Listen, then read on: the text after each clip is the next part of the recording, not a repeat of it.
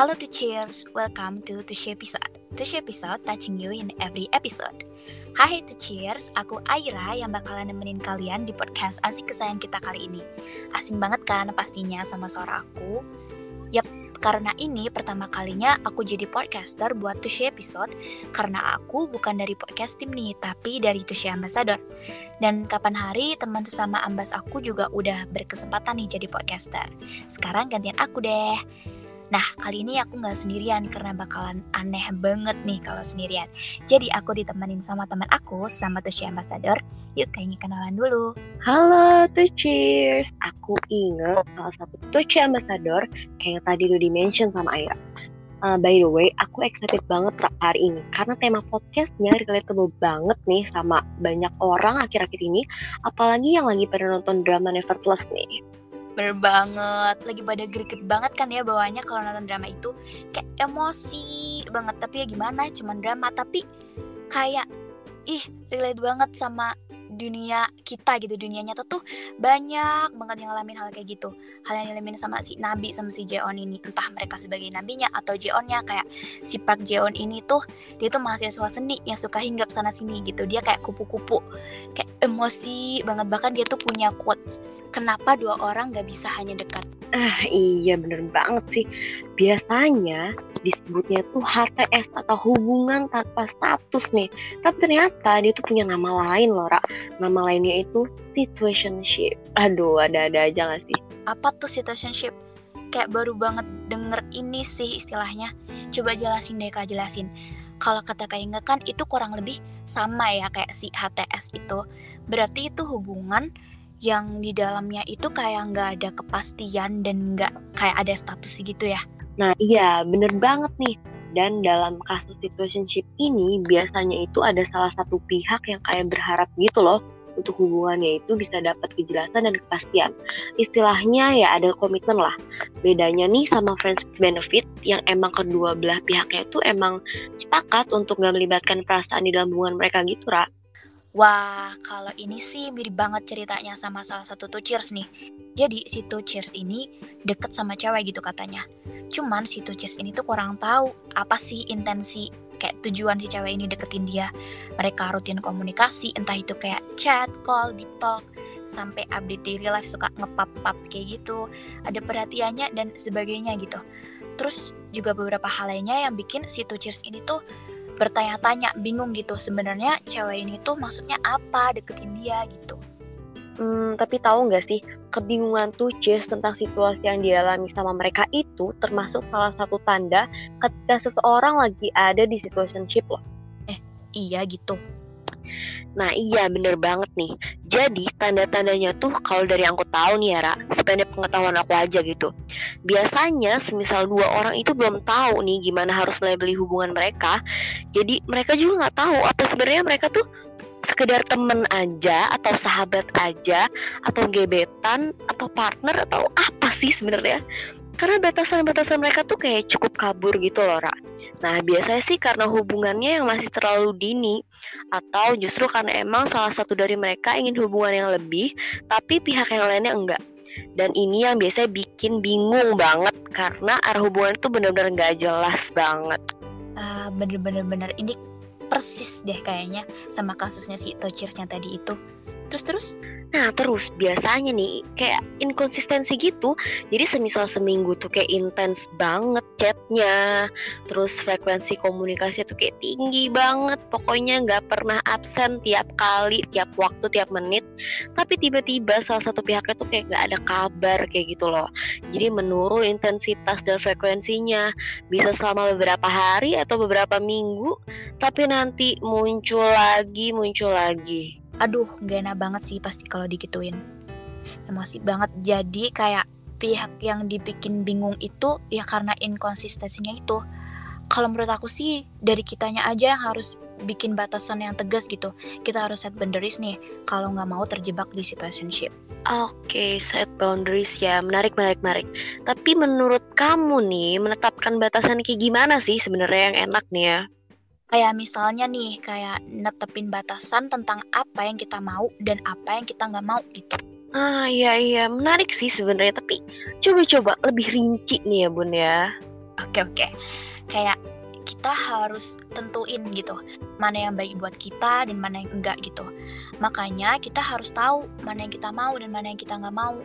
Situationship uh, itu kan di setiap orang bakal beda-beda ya. Tapi faktor yang bisa kita pertimbangin ke diri kita itu kayak misal uh, value kita, kebutuhan kita, target jangka panjang yang kita punya.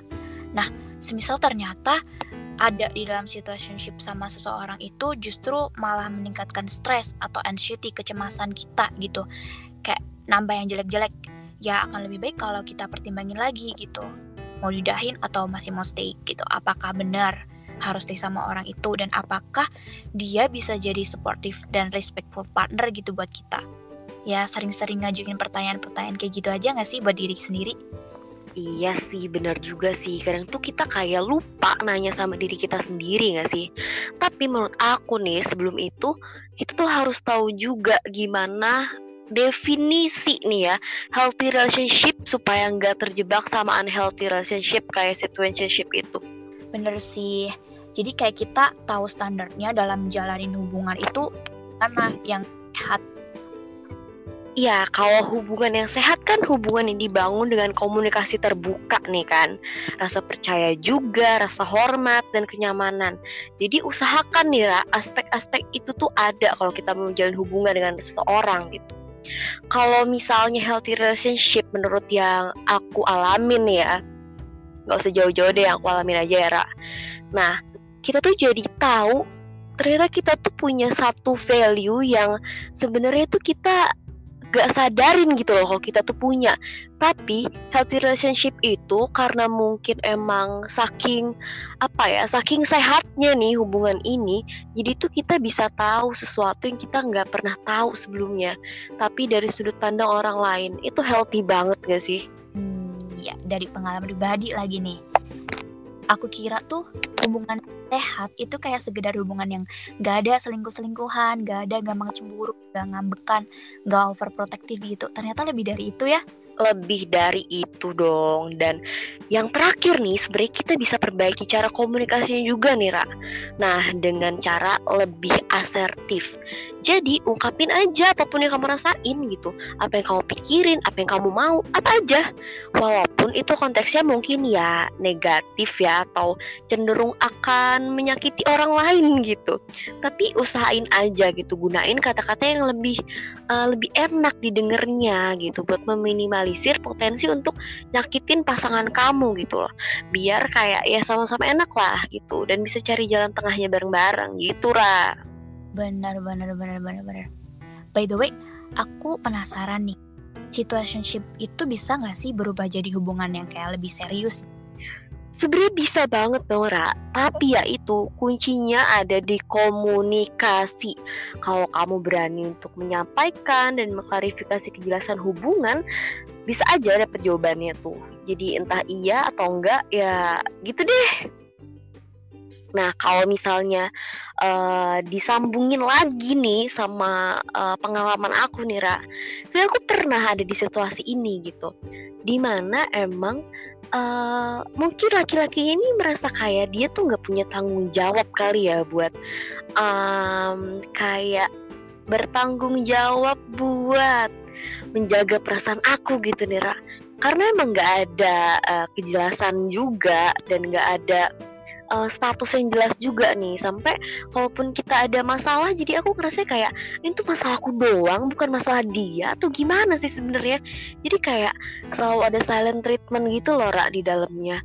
Jadi ada ada masalah jadi dianya diem kayak gitu. Itu kayak aduh nggak sehat banget nggak sih? Ya, toksik lah toksik ih kasihan deh kayaknya kayak teman-teman aku juga banyak sih kayak gitu. Jadi dia mereka tuh ada yang kayak tanya nih kita mau lanjut atau enggak nih? kayak gitu. Dan terus kalau mau lanjut ya udah mereka lanjut dan nggak tahu sih kayak gimana akhirnya.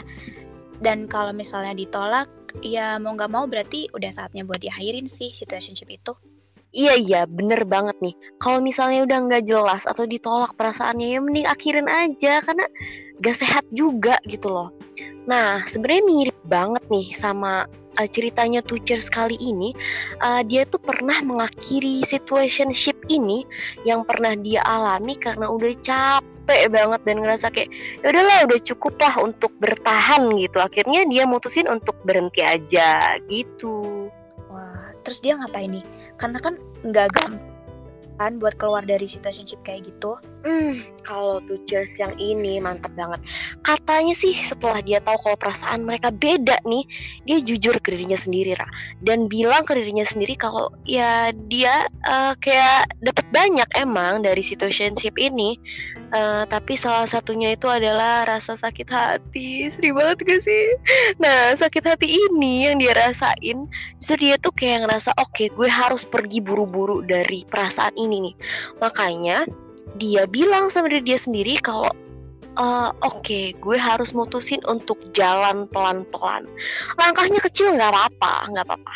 Yang penting dia pindah dari rasa sakitnya gitu yang emang bener-bener gak menyenangkan nih Ra sumpah deh. Yang penting dia nggak jalan di tempat gitu kan. Nah setelah itu dia juga fokus banget ke recovery-nya. Karena kan ya gimana pun yang butuh recovery bukan cuma fisik aja kan tapi hati juga. Kayak gitu Ra. Wah itu pasti proses yang gak gampang sama sekali dan butuh waktu yang lama gitu. Jujur wow aku amazed banget sama tuh cheers yang satu itu tuh.